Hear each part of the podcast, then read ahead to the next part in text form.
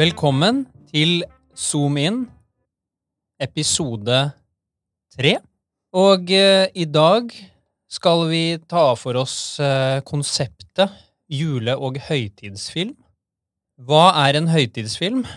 Det er noe man ser til en spesiell tid på året. Temaet trenger ikke engang å være høytid, eh, jf. mange eksempler fra USA. I jula der ser de tonnevis av eh, ting eh, hvert år som ikke har med julen å gjøre. Mest kjent er kanskje The Wizard of Oz. En av de aller første kjente fargefilmene, og kanskje den mest kjente barne-live action-filmen. I hvert fall i eldre tid. Men den har altså ingenting med jul å gjøre, da. Bare for å komme inn på det, fordi eh, vi skal jo hovedsakelig ta for oss julefilmer her, da, for det er vel kanskje den største høytiden, i hvert fall i populær eh, oppfatning, da. Så kan man si at påsken er en viktigere religiøs høytid.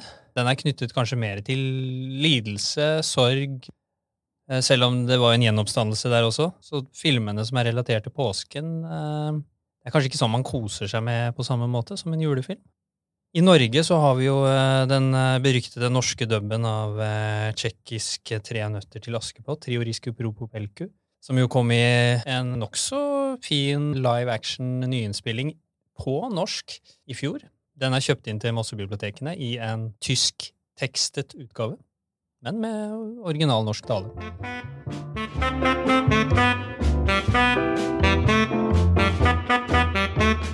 Vi starter med å gi en liten oversikt over uh, julefilmene som finnes på Filmoteket. Per nå så er det 19 titler som uh, Filmoteket selv har listet opp som julefilm i sin base. Her er det litt blandet, både voksen- og barnefilm. Noen av de mest kjente som kan være verdt å nevne, det er jo da Fanny og Alexander. Her er det jo egentlig strengt tatt én julescene, men den er jo til gjengjeld veldig julete også. Det er åpningsscenen. Ja. Nei, det er rett og slett et, eh, et mesterverk innen filmhistorien generelt. Så har vi denne moderne svisken, Love Actually. Den satte jo en standard for en slags flettverksmotive innen julefilmen. da. Altså at du har mange forskjellige fortellinger som parallellfortelles. Uh, og den har jo blitt litt ikonisk, og kanskje også en slags inspirasjon for den norske Hjem til jul-filmen av Bent Hamer. Når vi først er inne på norske filmer, så ligger Pitbull-Terje der. Det er um, på sett og vis en barnefilm satt i julehøytiden, men den er likevel forfriskende usentimental i forhold til hva barnefilmer, og også barnejulefilmer, gjerne er. da. Så den kan også anbefales. Et par til som uh, kan nevnes innenfor kategorien anti-jul. Denne subsjangeren som man kan kalle familiefeiring, hvor konflikter og avsløringer eh, kommer til overflaten. Det er jo da den svenske En underbar jævla jul av Helena Bergstrøm. Kanskje mest kjent som skuespiller. Hun har en rolle i den filmen nå. Vel verdt å, å se, om ikke den aller beste i eh, sjangen. Så har den i hvert fall eh, noe litt mindre svulstig over seg. En litt lettbent komedie som uh, har sine underholdende øyeblikk. Uh, Four Christmases, eller Anywhere But Home, som den av en eller annen grunn heter på norsk. Amerikansk uh, stjernespekket film. Litt i, hva skal jeg si, denne sjangeren med par som egentlig ønsker å reise til sydligere strøk eh, i juletida, men hvor de på en måte blir dratt litt tilbake i gamlelandet av eh, disse julebesøkstradisjonene, da. Så sånn sett kan du sette den litt i kategori med Christmas with the Cranks og sånne ting. Ikke en stor film, men har sin underholdningsverdi. Og ikke veldig lang heller. Klikker inn på under halvannen time.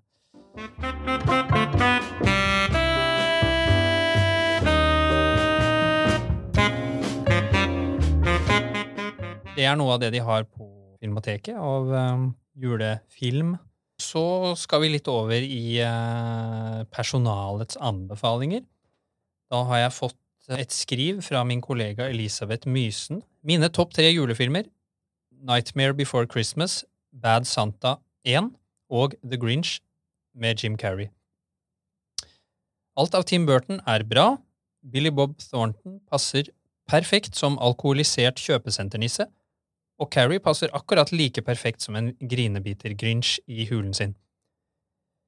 Felles for disse filmene er at de er både såre og hysterisk morsomme. Jack Skellington prøver å dytte inn noe i en form som ikke passer, for å selv kunne bli lykkelig igjen. Willy er sin egen verste fiende, og det samme er Grinchen. Det er festlig, mørkt og litt hudløst før det blir god stemning til slutt, og det er jo fint i jula.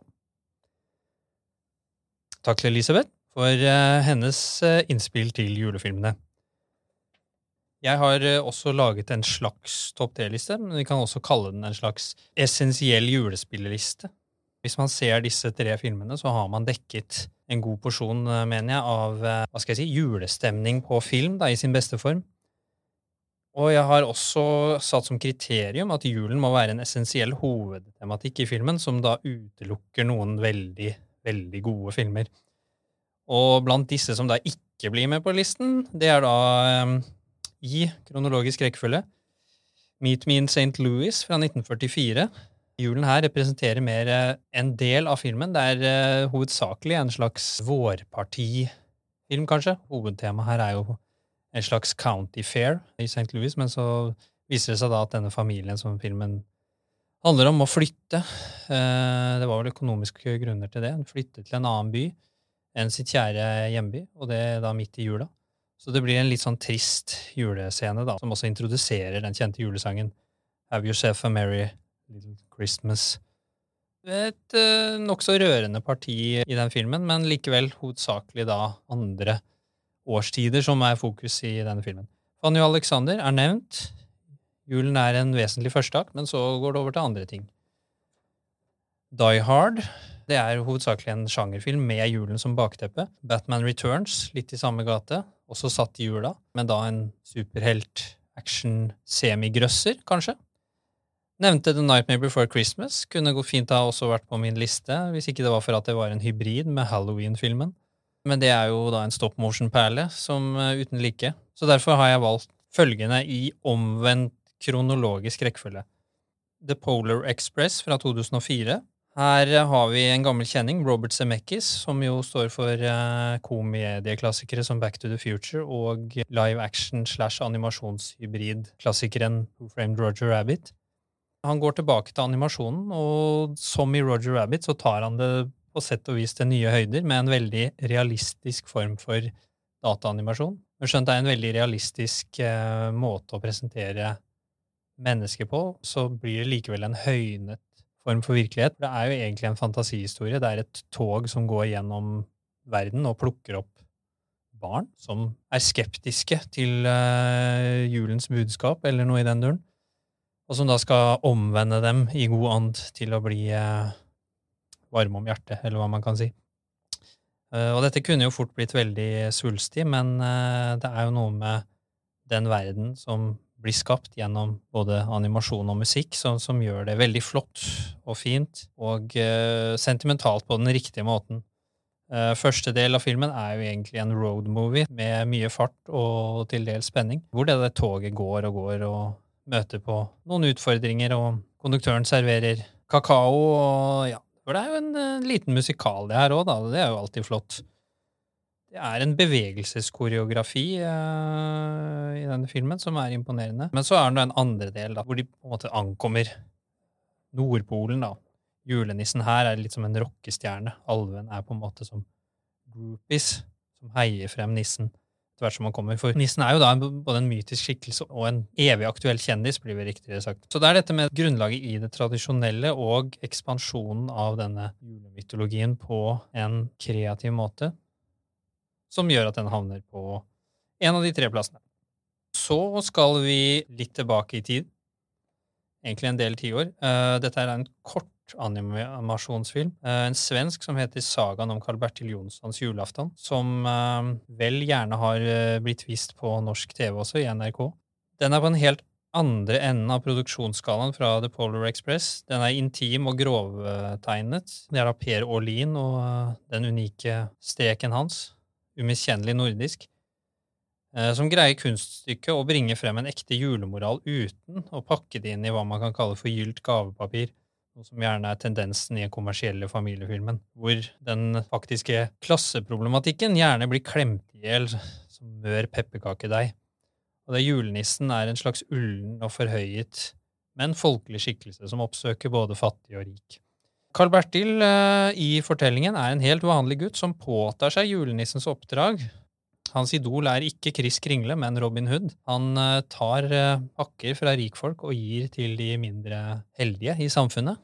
Det hele er presentert på en veldig ned på måte. Det er ikke noe overnaturlige greier i denne filmen. Men den greier samtidig å bli både morsom og varmhjertet. Det er et jazzpartitur som ligger, ligger og duver behagelig i bakgrunnen, og en litt dysfunksjonell familie.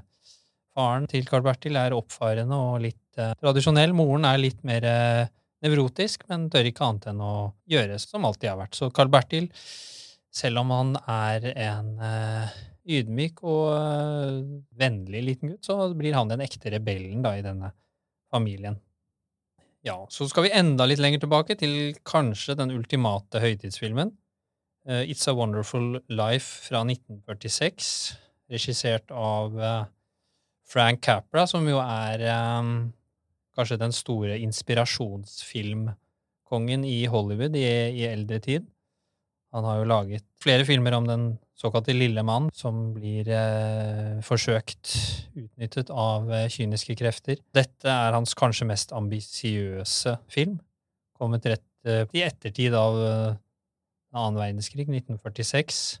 Og andre verdenskrig det er også faktisk et bakteppe for filmen, noe som gjør at den grunnlegges i eh, noe realistisk, selv om det egentlig er en slags Det er også en fantasifilm, det her. da. Det er rett og slett en mann som vokser opp og må eh, Egentlig så ønsker han å reise over hele verden, men han får jo ikke gjort det, da, for det er ting hjemme som holder ham tilbake. Han må ta ansvar her og der.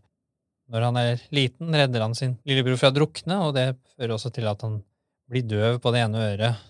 Dette høres ut som en martyrhistorie, men han er aldeles ingen martyr. En julaften, og han er godt gift og har unger og det hele, så blir han så deprimert at han vurderer å ta livet sitt. Da kommer en engel fra oven. Men det er ikke en klassisk engel, det er en vimsete gammel mann Moralen her er ikke at han overvinner hindringene ved at han er god og snill og standhaftig, men at han har venner rundt seg som har sett at han gjennom livet sitt eh, har vært en relativt god person, og som da hjelper ham når det gjelder. Han har, i motsetning til filmens skurk, som er Mr. Potter, en rik mann som eier nærmest hele byen, og som kjøper eh, allierte fremfor å få venner. Moralen her er vel da hvor uvurderlig det er med gode folk rundt seg. da. Og filmen er juleaktig, for den er egentlig en slags twist på A Christmas Carol til Charles Dickens, i hvert fall i sitt siste parti. Hva Vi får en ganske mørk sekvens hvor uh, man får presentert da hva som ville skjedd hvis denne hovedpersonen aldri var blitt født, og da ser man jo at det, åpenbart byen ville blitt et verre sted og fullstendig overtatt av kynisme og mistroiskhet. Det blir nærmest en horrorhistorie før vi stas tilbake til virkeligheten igjen. Og sluttscenen er omtrent så hjertevarm som du kan få det. Det er da tre eh, høyst eh, anbefalte julefilmer. The Polar Express kan lånes på DVD og Blu-ray fra bibsok.no. Sagaen om Carl Bertil Jonssons julaften og It's a Wonderful Life likeså. Mulig Carl Bertil kun er på DVD. Det vil linkes til i eh, Facebook-gruppen. Selvfølgelig.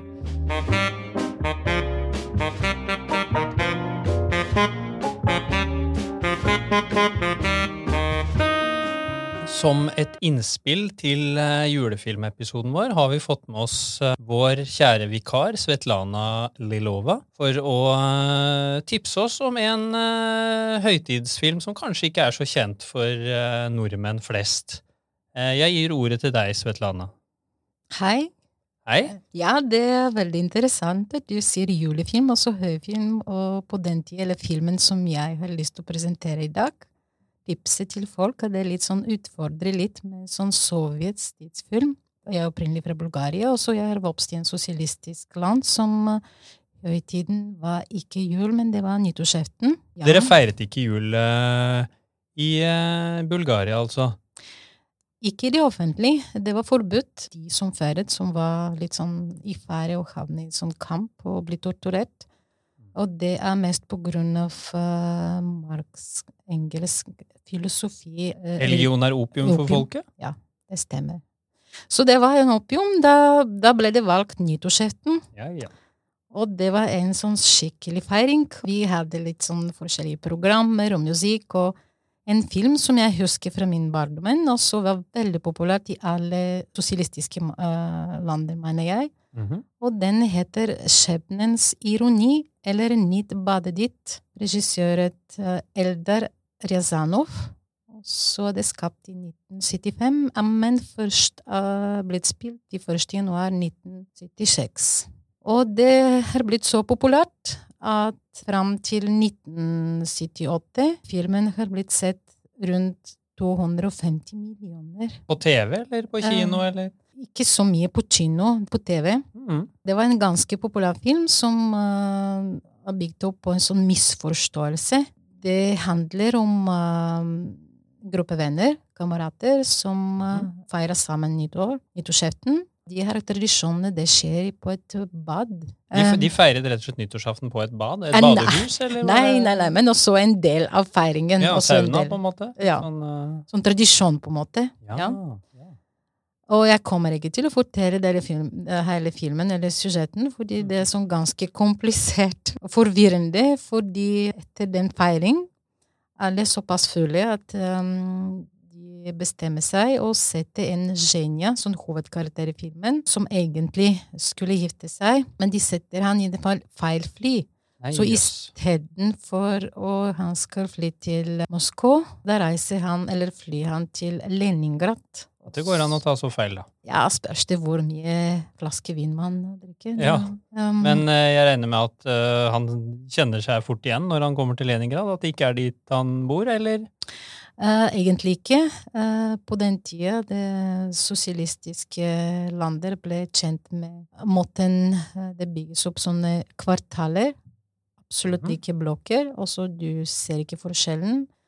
Men uh, interessant det er adressen han gir til uh, drosjesjåføren.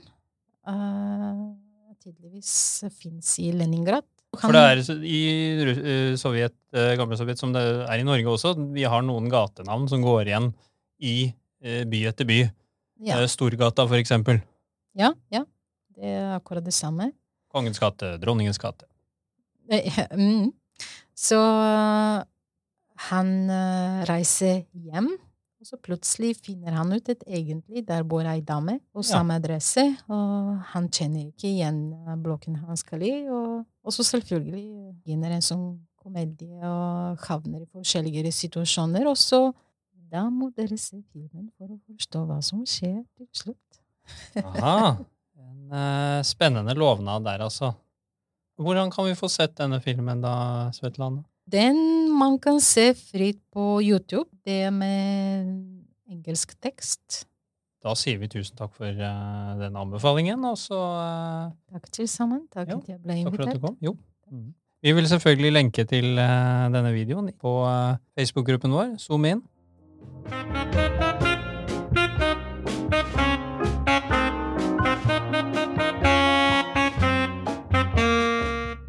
Til slutt, for å komme inn på Facebook-siden igjen, eh, så hadde vi tenkt å poste en spørreundersøkelse.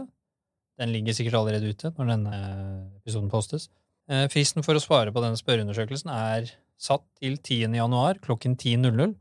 Så det er god tid etter nyttår til å eh, meske seg gjennom denne undersøkelsen. Så se opp filmene om du vil.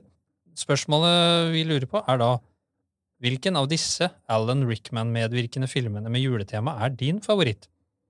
Da har vi alternativene Die Hard 1988, Love Actually 2003 og Harry Potter and the Goblet of Fire fra 2005.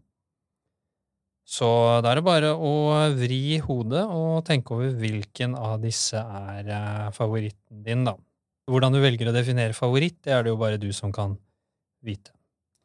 Og kommenter også gjerne i eh, kommentarfeltet hvis du har noen andre innspill. Kanskje er det en film Alan Rickman har spilt inn som har med jul å gjøre, som ikke er nevnt som et alternativ. Og det ville jo vært interessant å vite, da. Så da er det vel bare å si uh, god jul, happy hanukka og, og alt det der. Så uh, høres vi til en ny podkastepisode etter hvert, og så er det ellers bare å uh, sjekke ut Facebook-gruppen Zoom In. Takk for meg.